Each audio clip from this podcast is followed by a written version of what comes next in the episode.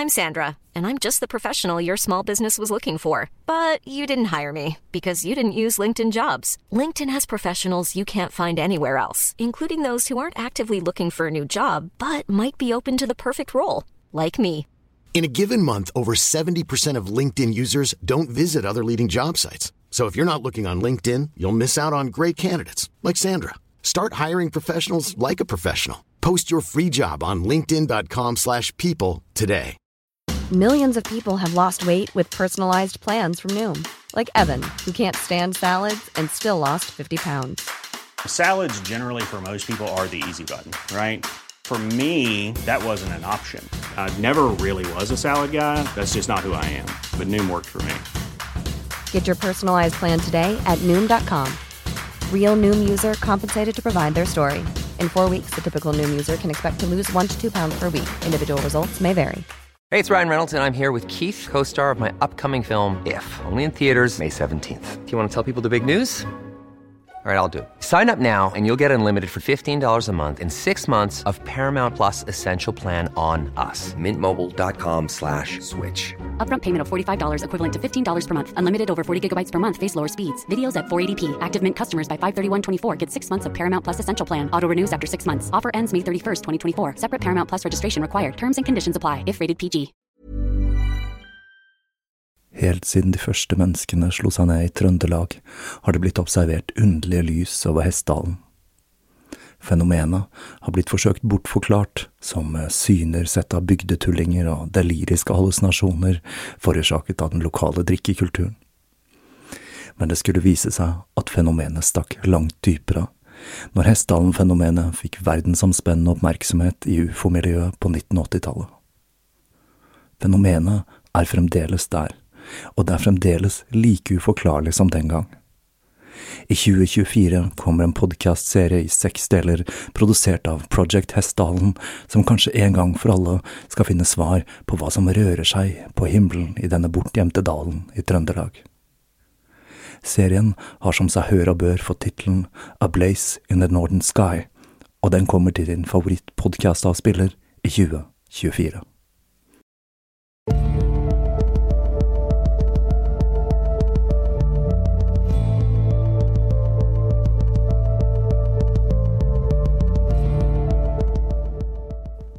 Hei og velkommen til Tåkeprat. Jeg heter Even, og når jeg tar opp denne episode 186, er det tirsdag den 22. mars 2022. 5-2-tall der, altså. Handlingen i denne delen av historien foregår i samme tid som den første prøvesprengningen av en hydrogenbombe i Stillehavet, og i begynnelsen på våpenkappløpet til den kalde krigen. Jeg hadde håpet og trodd at vi var i ferd med å komme oss ut av den kneika der men nå ser det ut til at mitt håp om at menneskeheten hadde vokst fra seg den idiotien som red verden under den kalde krigen, var litt for optimistisk. I disse dager er det plutselig blitt aktuelt å finne ut hvor nærmeste bomberom er igjen, og skolene henter inn samtykkeskjema for at barna som går der, kan ta jodtabletter om det skulle komme radioaktiv forurensning. Selv så lurer jeg på hvordan den første bomben sluppet i krig siden amerikanerne bombet Hiroshima og Nagasaki eventuelt vil komme og jeg må innrømme at jeg har ligget våken noen netter og tenkt på akkurat dette. For bare noen uker siden så virket det som om den største faren var at dette skulle skje ved et uhell, men i dag så virker det ikke som en helt usannsynlig tanke at Russland, eller rettere sagt Putin, vil kunne fyre av et taktisk atomvåpen for å se hvor langt han kan strekke strikken. Det store spørsmålet er om det er mange nok ledd og kloke hoder mellom mannen med knappen og bomben til at noen eventuelt kan stoppe hva som kan bli en katastrofe for hele menneskeheten. Og ikke minst så er det store spørsmålet om hvordan verden vil reagere på en atombombe sluppet i krig i dag. Ting er faktisk langt skumlere nå enn de var under den kalde krigen, selv om man har klart å ruste ned. Med hypersoniske missiler kan man nå levere et stridshode uten at den andre parten har tid til å reagere før det er for sent, og da spiller det liten rolle at man har klart å redusere antallet stridshoder betraktelig siden det glade åttitall. Vi har nok allikevel til å lage vårt eget Armageddon uansett. Alt jeg kan gjøre, er å på det sterkeste fordømme den galskapen som enda en gang har ført Europa ut i en ny kald krig, en som kommer til å forfølge oss i årene som kommer, selv om det skulle bli en fredelig løsning på krigen i Ukraina. Dette er rett og slett et nedslående tilbakeskritt for mennesket som art. Med krigen rasende i bakgrunnen har jeg som vanlig puslet videre med tåkeprat. Det er en evig kvernende prosess å jobbe med denne podkasten, og det er en salig blanding av opp- og nedturer. Nå som vi står på terskelen av en ny vår og sommer, det var jo vårjevndøgn nå på søndag, så føler jeg at tiden er inne for å gi Tåkeprat en ny giv. Og jeg har en del planer for å forsøke å løfte podkasten opp og frem i året som kommer. For det første så planlegger jeg en live podkast i Oslo om ikke så altfor lenge, og der begynner brikkene å falle på plass. Så for de av dere som har etterspurt dette, så kommer det mer informasjon om dette arrangementet ganske snart. Samtidig så håper jeg å finne nye måter å kunne tilby mer eksklusivt innhold for dere lyttere, i form av for eksempel webinarer eller interaktive salonger eller lignende. Her må jeg litt i tenkeboksen, og så får vi se hva det blir til. Summa summarum så ønsker jeg å få Tåkeprat til å vokse, og gjøre hva jeg mener er Norges beste podkast kjent for flere og da trenger jeg selvsagt også drahjelp fra dere lyttere til å spre det glade budskap organisk. Men nå skal vi over på dagens tema og til den andre delen i historien om livet til Marjorie Cameron. Dette blir en eh, litt, eh, hva skal vi si, sprø kanskje, episode, for nå skal vi se hvordan Cameron takler tilværelsen etter Jack sin død. Og jeg avslører vel ikke for mye når jeg sier at det ikke gikk så veldig bra. Og da gir jeg dere den andre delen i historien om Marjorie Cameron.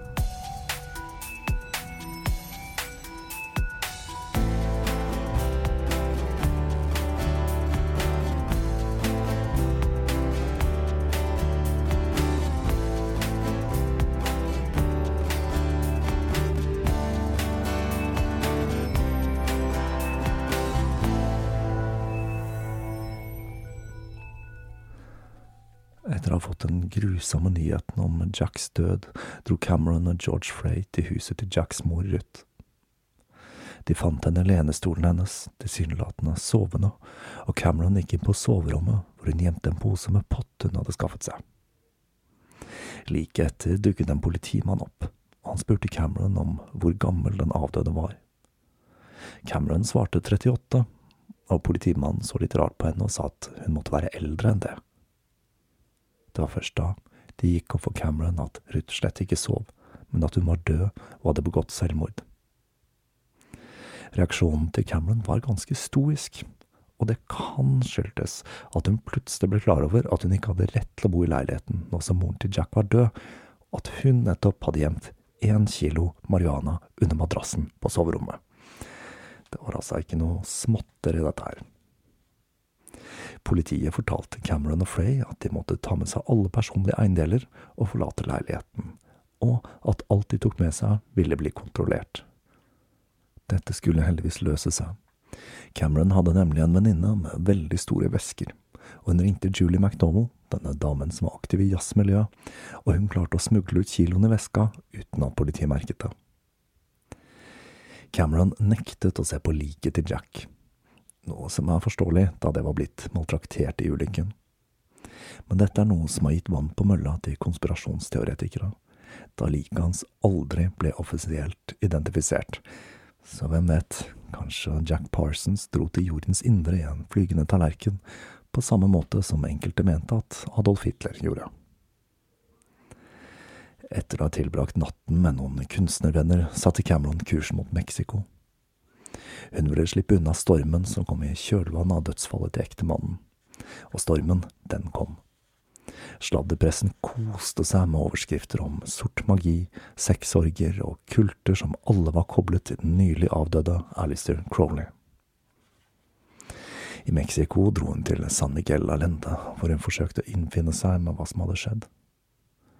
Der møtte hun et engelsk kunstpar Bill og Nancy, som var disipler av The White Eagle Lodge, en britisk spiritistlosje.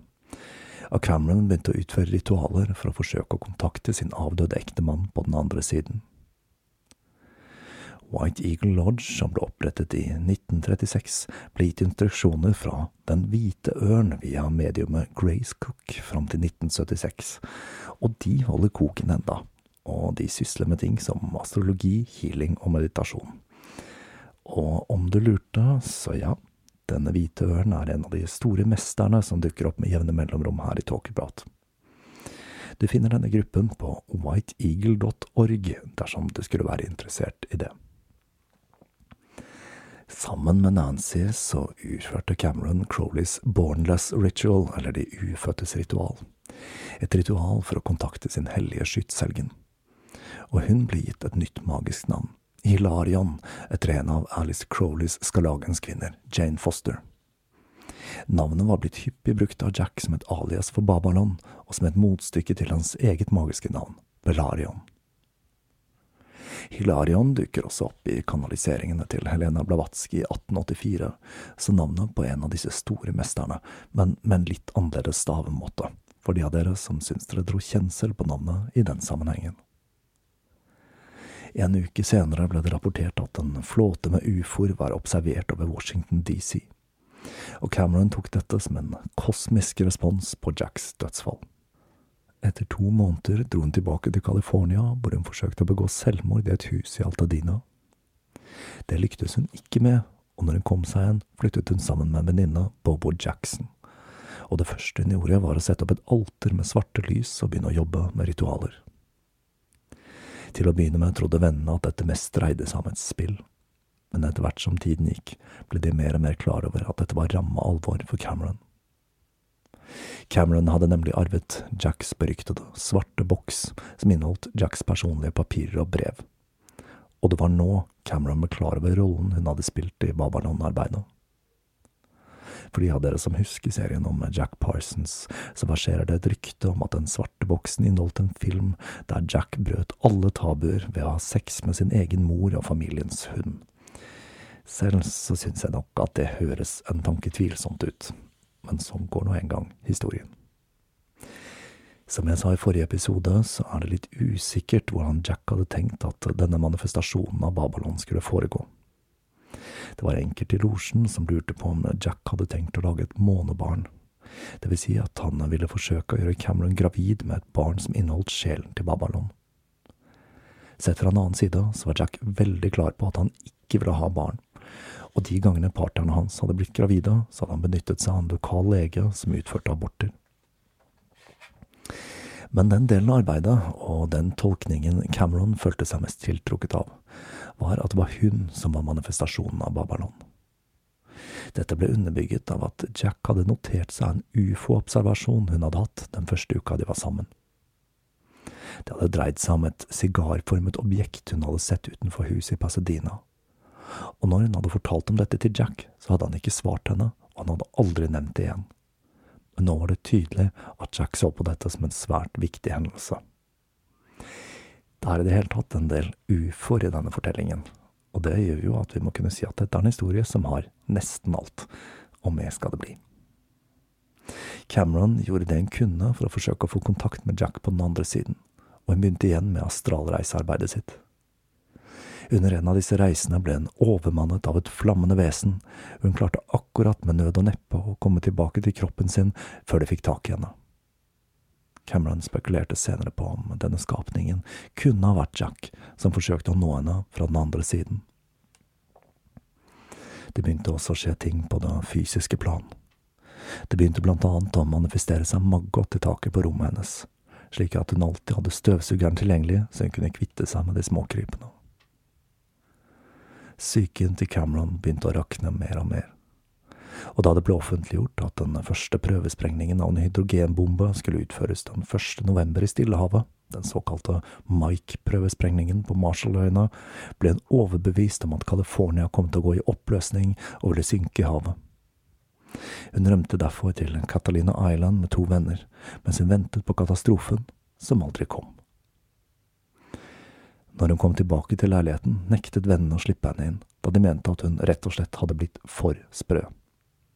De fortalte henne at hun ikke var velkommen mer, og at de hadde pakket alle eiendelene hennes og satt dem utenfor døra. Nå gikk det skikkelig nedover. Cameron hadde ingen måte å forsørge seg selv på, og hun var litt for far out til å få seg en ordinær jobb. Det var Jack som hadde forsørget henne, og uten han følte hun seg rådløs og fortapt, som en fisk på land. Det var kanskje bra at hun fikk skifte omgivelser litt, slik at hun slapp å tråkke rundt i området der Jack bokstavelig talt hadde gått i luften. Hun fikk sove hos diverse venner, deriblant Renate Drux og hos Jacks ekskone Helen, selv om de var litt bekymret for at det hadde raknet fullstendig for Cameron. Kunsten hennes ble også stadig mørkere, og den skremte mange som så den. Kunsten hennes var virkelig noe for seg selv, og den er dessverre svært vanskelig å få tak i. Bortsett fra de bildene som fins på nettet, så er det ekstremt glissent med kunstbøker og lignende. Jeg biter meg for eksempel merke at 2014-utgaven av Songs for the Witch Woman, den boken illustrerte, ligger på rundt 2000 kroner brukt. Det er litt kjipt, fordi jeg liker å ha kunstbøker fra personer jeg har hatt serier om i samlingen min enten det dreier seg om Lene Riefenstahl eller Rowena Moriel, som var favorittkunstneren til Saddam Hussein. Men 2000 kroner, det er litt i meste laget for en brukt kunstbok for en fattig podcaster, dessverre. I tillegg så hadde Cameron en tendens til å gi bort, eller rett og slett sette fyr på kunsten sin. Hun mente at når den først var laget, så fantes den i astralverden, slik at den fysiske kopien den var unødvendig å eie så det er kanskje ikke så rart at eh, dama var blakk store deler av livet. Så skulle Cameron bryte et av de største tabuene i det amerikanske samfunnet, når hun inngikk et romantisk forhold med Leroy Boot, en svart mann som hun flyttet inn hos. Om det hadde vært mye ståk og oppmerksomhet rundt losjen i Orange Grove, så var det ingenting mot oppmerksomheten de fikk fra lovens lange arm nå. Politiet var overbevist om at dersom svarte og hvite bodde sammen, så måtte det være rus involvert. Så huset ble raidet, og tre personer ble arrestert for besittelse av marihuana. Men Cameron, hun hadde, heldigvis for henne, akkurat dratt videre for å se hva annet livet kunne tilby henne når politiet kom. I desember 1952 flyttet hun til et falleferdig hus i Lambs Canyon Road i et tidligere gruvesamfunn på utsiden av Beamont, vest for Palm Springs. Dette var en rønne hun kunne okkupere slik at hun slapp utgifter til leie. Selv om hun verken hadde strøm eller innlagt vann, så trivdes hun alene der ute i ødemarka. Og stedet var perfekt til å se etter ufoer et fenomen som hadde markert både hennes inkarnasjon som Babaland og Jacks død sett med hennes øyne. Til tross for at stedet var ei rønne, så klarte hun å pynte og gjøre det hele tempellignende, med kun hun Frøya og en fugl hun hadde, en fink, som eneste selskap. Hun hadde kjøpt en rekke pyntegjenstander og tekstiler i Mexico, som nå kom til sin fulle rett. Og når venner kom på besøk, så ble de imponert over hva Cameron hadde klart å gjøre med stedet. Jane Wolfe hadde begynt å utvise en spesiell interesse for Cameron etter Jacks død, og de to skrev jevnlig brev til hverandre. Cameron delte hvordan hun var blitt utstøtt som gal og hadde levd de siste seks månedene alene, redd for farene Jack hadde sagt var forbundet med Babaland-arbeidet. Hun fortalte om sitt eget magiske arbeid, og Jane Wolfe ga henne uformelle instrukser om hvordan hun skulle gå fram.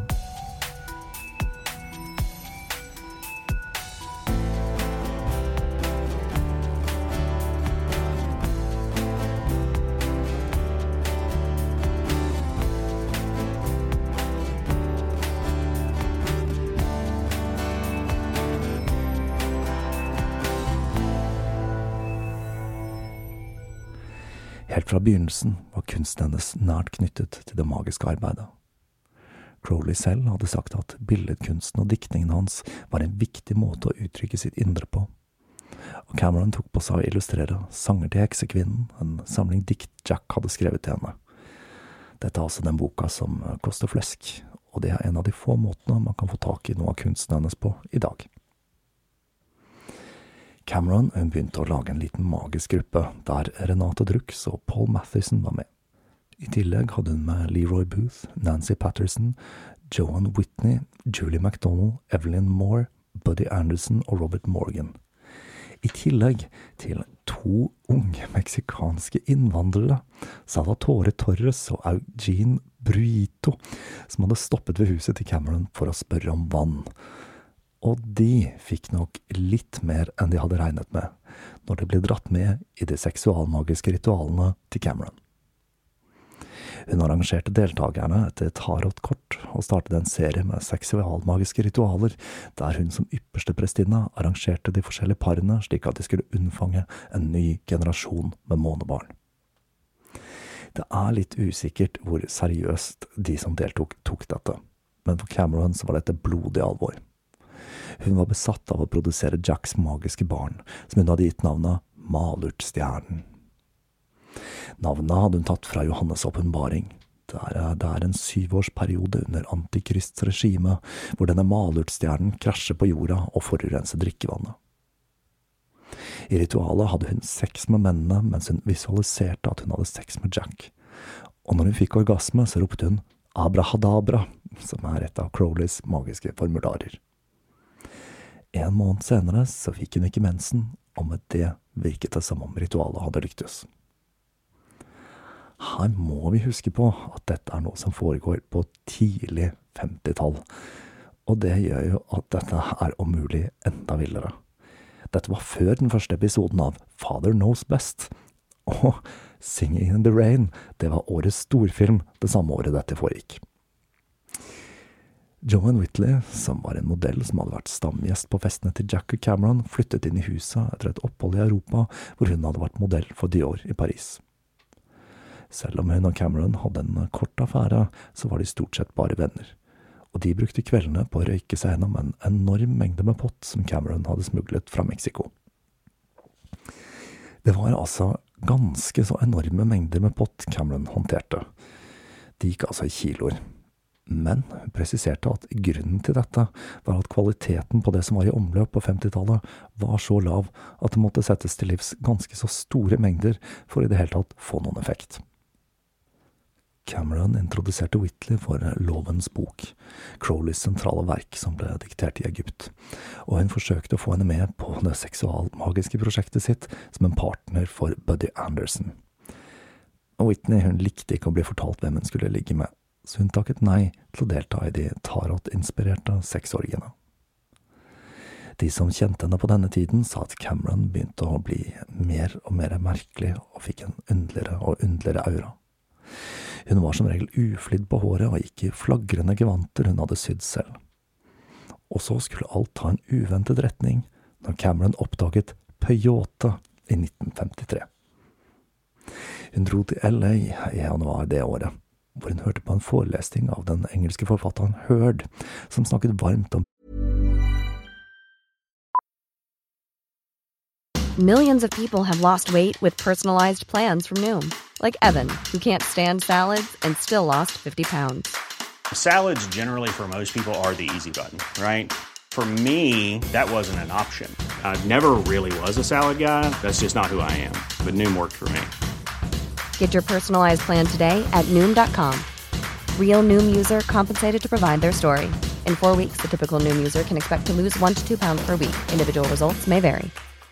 If you thought the only way to get a more defined jawline with natural looking results was through surgery, think again. Juvederm Volux XC is a non surgical injectable gel filler that improves moderate to severe loss of jawline definition and can help you achieve natural looking results with little downtime. Even better, this improved definition lasts up to one year with optimal treatment. No maintenance required. Improve jawline definition for a smooth, sculpted look with Juvederm Volux XC. For important safety information and to find a licensed specialist, visit juvederm.com. That's J U V E D E R M.com. Not for people with severe allergic reactions, allergies to lidocaine, or the proteins used in Juvederm. Common side effects include injection site redness, swelling, pain, tenderness, firmness, lumps, bumps, bruising, discoloration, or itching. There's a risk of unintentional injection into a blood vessel, which can cause vision abnormalities, blindness, stroke, temporary scabs, or scarring. Talk to a licensed specialist to find out if it's right for you.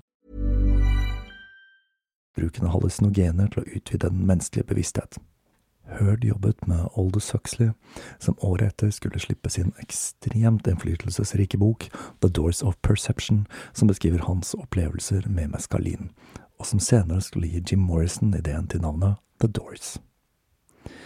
Huxley hadde møtt Alice Crowley når de to bodde i Berlin på 30-tallet. Og det er noen som mener at det var Alistair Crowley som introduserte Huxley for meskalin, og dermed indirekte sparket i gang den psykedeliske revolusjonen i Vesten. Meskalin er et stoff i amfetamingruppen, slik som blant annet MDMA eller ecstasy, og det skiller seg derfor ut fra en del andre stoffer med tradisjonell bruk, slik som ayahuasca og psilocybin, som jeg har tatt for meg tidligere her i Tåkeprat.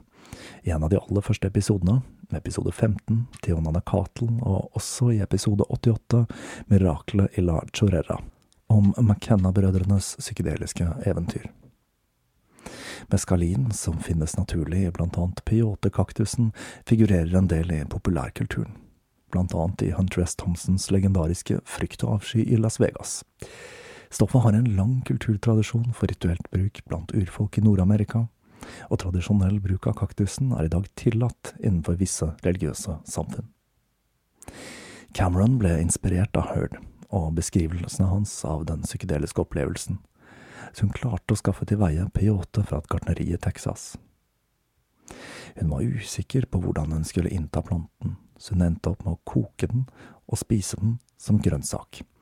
Og det funket. Veggene forsvant, og hun entret Huxleys grå, psykedeliske verden. Cameron var klar over at urfolk brukte peyote for å kommunisere med åndeverden, og på samme måte skulle kaktusen spille en viktig rituell rolle i hennes ritualer. Peyote skulle også påvirke kunsten hennes, og det var i denne perioden hun lagde bildet Peyote-visjoner, der hun tegnet seg selv på alle fire mens hun ble betjent, om vi skal si det på en pen måte, av et alien-lignende vesen som har hud som minner om skinnet til peyote-kaktusen.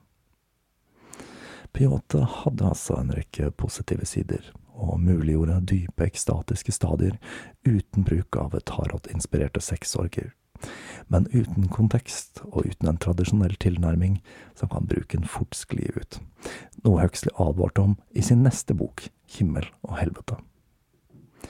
I kjent stil trykte Cameron gassen i bånn, hun, og skillet mellom fantasi og virkelighet ble stadig mer utydelig. Og for Cameron, som allerede ikke var helt i vater, så begynte det å tippe skikkelig. Hun skrev til Jane Wolfe og fortalte hvordan hun trodde at Mexico og USA kom til å havne i krig, og at Mexico etter hvert ville ta styringen over hele USA. Hun forutså også en rasekrig, der befolkningen i Afrika, Asia og India kom til å ta over Europa, og ikke bare skulle ta over Europa, men de skulle gjøre det under hennes kommando.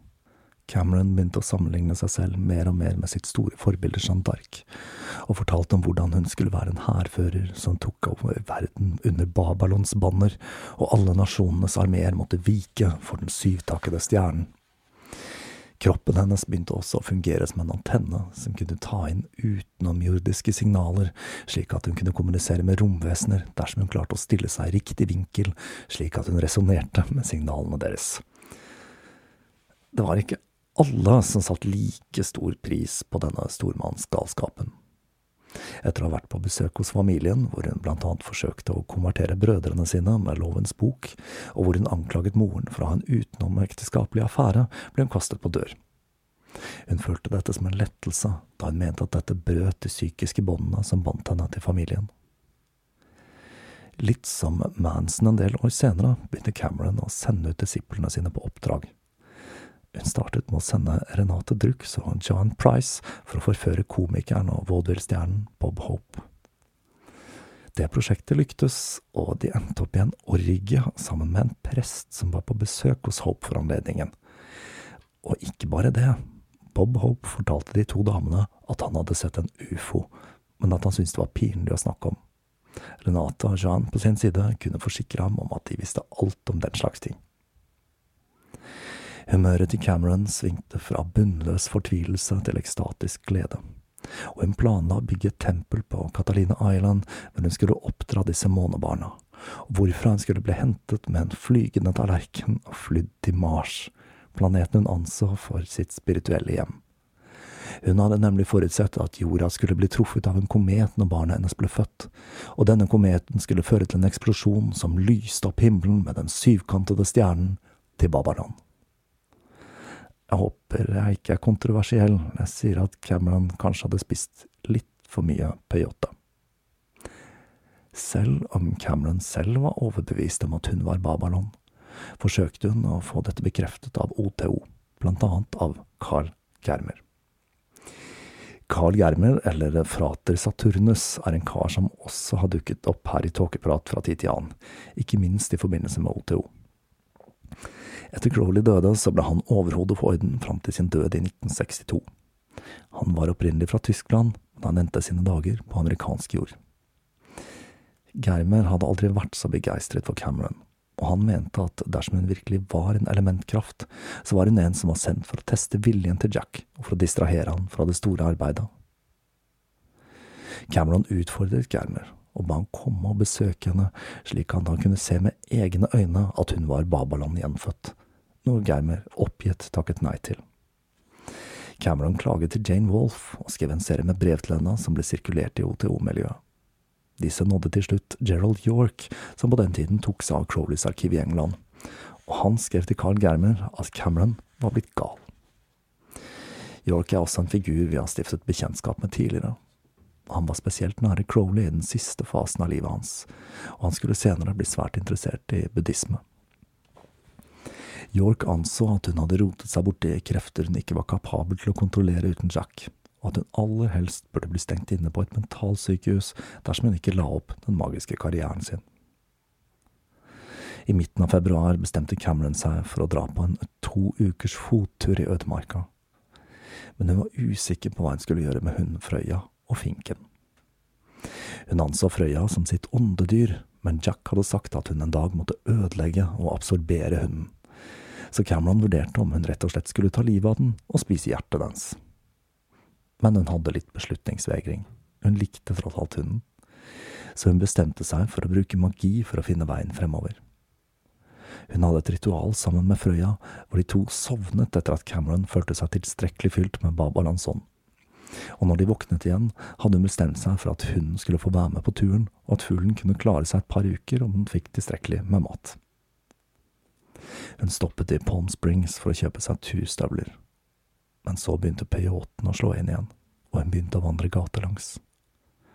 Hun kom forbi en butikk som reklamerte med at de solgte magiske gjenstander, og når hun gikk inn der, fikk hun øye på en figur av en naken dame med store bryster og rødt hår, som satt knelende med et rødprikket hvitt skjerf over skuldrene. Figuren, den var ganske så vulgær, og den ble ikke mindre vulgær når mannen i butikken demonstrerte hvordan den kunne skyte pulver ut av puppene når man klemte på den. Cameron var solgt, og hun kjøpte figuren og tok den med seg på turen. Jeg må si at jeg nok også hadde kjøpt den figuren om jeg hadde kommet over den. Etter hun hadde fått kjøpt turstøvlene, så begynte hun på turen. Først dro hun til Palm Canyon, hvor hun så en syvkantet kaktus badet i sollyset. Det var jo helt klart et tegn, for Babylons stjerne, den har jo syv takker.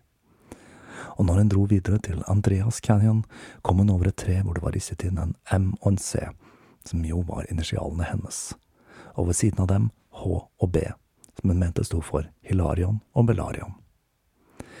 Etter den oppdagelsen satte hun seg over en elv, hvor hun badet føttene mens hun stirret på figuren hun hadde kjøpt. Hun begynte å bli forelsket i den, og det føltes ut som om hun hadde lett etter den hele livet. Hun la seg til å sove under åpen himmel, og hun bestemte seg for å forsøke å fokusere mindre på død og lidelse, og leve et litt mer positivt liv i perioden fremover.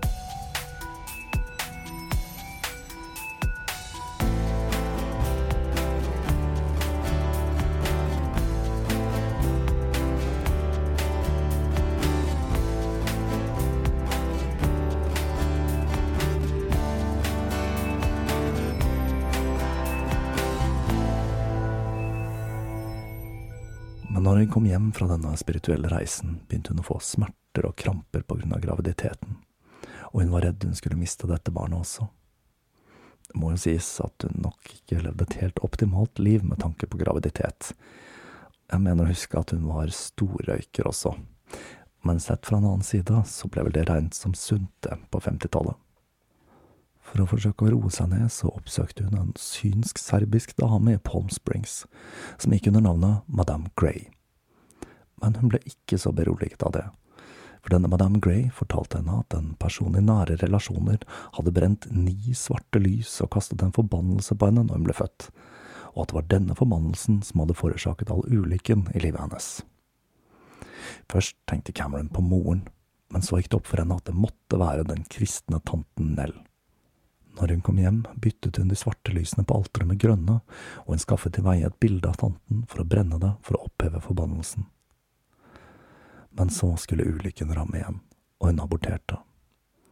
Hele månebarnprosjektet falt i fisk, for Julie MacDonald, som også hadde blitt gravid under ritualet, hadde bestemt seg for at det hele ikke virket som en like god idé som det hadde hørtes ut når det først ble foreslått, og hun fikk utført en abort. Det samme gjaldt Renate Drux, som var blitt gravid med tvillinger med Mathisen under ritualet. Hun hadde først lovet at Cameron skulle få tvillingene, og Cameron hadde allerede bestemt seg for at barna skulle hete Lucifer og Lilith. Men den planen gikk altså i vasken når Drux også bestemte seg for å ta abort. Cameron bestemte seg for at tiden var inne for å dra tilbake til LA, hvor Boot snart ble løslatt. Det hun ikke tok høyde for, var at huset fremdeles ble overvåket av politiet, og straks hun flyttet inn der, ble de to arrestert. Cameron hadde på seg en amulett hun hadde fått av Jack, og når en politikvinne forsøkte å ta denne Cameron, så beit hun, og hun ble lagt i bakken og påsatt håndjern. Dette førte til en overskrift i sladreavisen Mirror, hvor man kunne lese Amuletten til Pasadena-kultenken feilet i politireid. Det var en grunn til at Cameron hadde blitt så rabiat når de ville ta medaljongen. Hun hadde nemlig bedt Jack om å lage et hemmelig rom med gift i den, slik at hun kunne begå selvmord dersom oppgaven med å gjennomføre Babylon-arbeidet skulle bli for tungt å gjennomføre. Men hvorfor hun ikke benyttet seg av den giften i det tidligere selvmordsforsøket, det vites ikke. Cameron var igjen hjemløs, men hun fikk bo et par måneder hos Renate Drux. Når hun dro derfra, ble Drux hjemsøkt av et merkelig astralvesen med en neonfarget hjerne og en ryggrad som hale, som plaget henne nattestid. Hun tok kontakt med Jane Wolfe, som fortalte at dette måtte være et biprodukt av ritualene til Cameron, og hun instruerte Drux til å gjennomføre et fordrivelsesritual. Gjennom Drux ble Cameron kjent med Samson Dibrir. Samson hadde blitt ført til Kina, men han hadde vokst opp i Atlantic City hvor faren hans, som var en korrupt politiker, hadde blitt knivstukket og drept av en sjalu kvinne. I ungdommen hadde Samson vært ganske så dandy, han kledde seg i pels og juveler når han spankulerte i gatene i byen.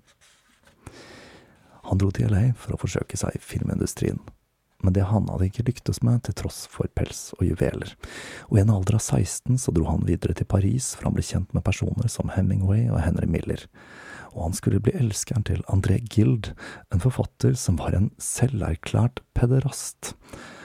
Og han skulle også visstnok ha vært modellen for Picassos Pierrot-malerier. Når han kom tilbake til Statene, så ble han radiovert for Gangplank i New York, for han intervjuet noen av de største kjendisene i samtiden, og her er det vel verdt å merke seg at han intervjuet vår egen Sonja Hennie. Etter krigen dro han tilbake til LA, hvor han jobbet som nattevakt for Lockheed Aircraft Company, og som sykepleier på et psykiatrisk sykehus. Han sparte opp nok penger til å kjøpe seg et leilighetskompleks i Hollywood som han leide ut, og i bakhagen var det en hytteaktig bygning som han selv bodde i. Huset hans bar preg av at han var glad i artnivå, og det var fullt av gjenstander og kostymer fra filmindustrien, i tillegg til flere nakenbilder av ham selv. Og jeg må si at det å ha nakenbilder av seg selv på veggen, det er et ganske dristig trekk. Det som kanskje er hakket hvassere, det er å henge opp et stort aktmaleri av seg selv på veggen. Noe jeg kjenner en som har, så hei på deg om du hører denne episoden. Huset hans, den, det fungerte som en salong. Her har vi altså dette begrepet igjen, et som jeg vel har oversatt til norsk som en skravlestue hvor noen av de største navnene innen kunst og film møttes. Alle som var nå i Hollywood, de var innom huset til Samson. Det som jo var litt spesielt, var at Samson selv ikke var kunstner. Han hadde bare en enorm personlighet, og han hadde investert lurt i eiendom, slik at han kunne leve det han kalte for et gentlemansliv. Samson må jo også få litt kred fordi han var åpent homofil i en periode da dette ble sett på som en sinnssykdom, og huset hans ble også brukt til fester der bare menn hadde adgang. De to unge filmskaperne Kenneth Anger og Curtis Harrington var i ferd med å slå seg opp og frem i Hollywood. Anger hadde angivelig vært en barnestjerne som spilte i Max Reinhardts versjon av En midtsommernattsdrøm, og ifølge ham selv skulle han ha blitt utsatt for pedofile tilnærmelser fra selveste Walt Disney. Sant eller ikke, så skulle det å avsløre Hollywoods mørke bakside bli en rød tråd i karrieren hans. Han var brennende opptatt av film, og allerede som tenåring så lagde han sin første film med farens 16 mm kamera. Filmen hans Fyrverkeri var hva som blir beskrevet som en homoerotisk drøm, og den vant prisen for den mest poetiske filmen ved Biarritz filmfestival i 1949. Og den må virkelig ha vært homoerotisk, fordi sexologen Alfred Kinsley kjøpte en kopi av filmen til undervisningsøyemed til det sexologiske forskningsinstituttet han drev, og han skulle senere bli kompis med Anger. Jeg må jo si at det høres litt tvilsomt ut, men vi får ta ham på ordet på at denne filmen kun var til forskningsøyemed, da. Men det må jo sies at Anger han kan regnes som en svært viktig figur når det gjaldt synliggjøringen av den homofile kulturen i en periode da homofili var forbudt. Anger skulle for øvrig bli kompis med Jimmy Page senere, av deres felles interesse for Alistair Crowley. Curtis Harrington var også svært tidlig ute med å lage film. Allerede når han var 14, lagde han sin egen versjon av en av historiene til Edgar Allan Poe, og kortfilmene hans høstet en viss suksess på europeiske filmfestivaler. Moren til Anger hadde dødd i 1953, og han bestemte seg for å bruke arven på sitt neste prosjekt, Inauguration of the Pleasure Dome. En tittel jeg føler er litt uoversettelig, det må eventuelt bli noe sånt som Innsettelsen av lystdomen, eller noe sånt. Gjennom Samson ble Anger kjent med Renate Drux, og hun inviterte han på en kostymefest der temaet var Kom som galskap, og det skulle bli opptakten til det nye filmprosjektet. På denne festen dukket opp flere underlige skruer. En av disse var den franske forfatteren Anna Nin, den tidligere elskerinnen til Henry Miller, som var kjent for sine erotiske romaner. Hun kom kledd i en hudfarget drakt med pelsøredobber hengende fra brystvortene, et pelsbelte rundt livet, et fuglebur på hodet og med en jungelscene malt på ryggen. I munnen hadde hun en rull med sider fra bøkene hun hadde skrevet, og hun rev av biter av disse hun ga til de andre gjestene. Anger, som selv var kledd som selveste heksegudinnen Hekate, så umiddelbart for seg Annie Nin som den perfekte personen til å spille hovedrollen i den nye filmen. Men når han møtte Cameron, visste han at han hadde funnet den han lette etter. Samson hadde moret seg med å fortelle Anger om det legendariske paret Jack og Cameron, og han hadde gladelig gjenfortalt hver eneste historie som sirkulerte i Hollywood. Nå som Anger endelig sto ansikt til ansikt med selveste skalagerskvinnen, utbrøt han jeg har ventet på deg i mer enn tusen år.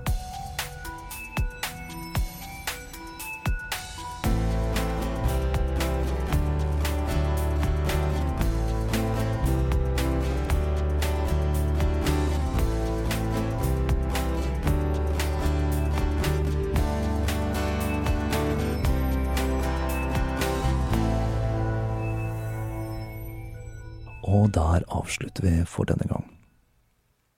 Jeg må jo si at denne episoden illustrerer veldig godt at det å spise peyote som en grønnsak hver dag, ikke er det lureste man kan ta seg til. Med mindre man da heter Timothy Leary. Da er det tydeligvis en skikkelig god idé. Og snakker om Tim, så har jo faktisk ikke han kommet på banen enda, og det er jo verdt å merke seg. Motkulturen var fremdeles en del år unna, og selv om beat-generasjonen så vidt hadde begynt å røre på seg, så gjør det hendelsen i denne fortellingen enda mer spesielle.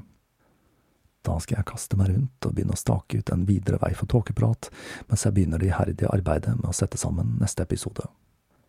Som vanlig vil jeg rette en stor takk til alle som støtter opp om podkasten på Patrion. Dere er ryggraden til denne produksjonen. Jeg har altså lagt meg på en podkast som er gratis for alle, og som iallfall fram til nå har klart å holde reklamefri. Som jeg sa innledningsvis, så håper jeg å kunne ekspandere geskjeften litt i tiden som kommer, men dette skal ikke gå på bekostning av en høykvalitetspodkast som er tilgjengelig på alle plattformer. Jeg vil selvsagt også takke alle som har donert til Tåkeprat på annet vis, enten det er via VIPS eller via link på hjemmesiden. Dere finner VIPS nummeret i episodebeskrivelsen. Jeg setter også stor pris på om du som hører på, gir en god rating der du hører podkasten. Jeg ser at det kommer til nye stjerner i Spotify hver eneste uke, og det er noe jeg setter stor pris på. Helt på tampen her så vil jeg også tipse om at dere finner et intervju med meg hvor jeg snakker om tåkeprat og prosessen bak podkasten i episode 19 av podkasten Podpuri. Jeg legger ut link til den episoden i episodebeskrivelsen. Så sant verden fremdeles består, så høres vi igjen om ikke lenge.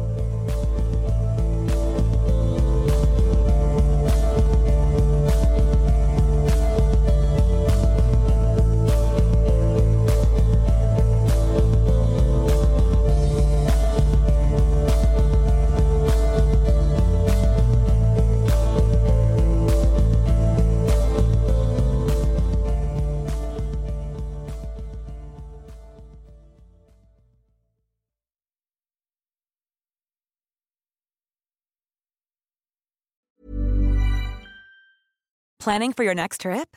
Elevate your travel style with Quince. Quince has all the jet setting essentials you'll want for your next getaway, like European linen, premium luggage options, buttery soft Italian leather bags, and so much more. And is all priced at 50 to 80% less than similar brands. Plus, Quince only works with factories that use safe and ethical manufacturing practices. Pack your bags with high-quality essentials you'll be wearing for vacations to come with Quince. Go to quince.com slash pack for free shipping and 365-day returns.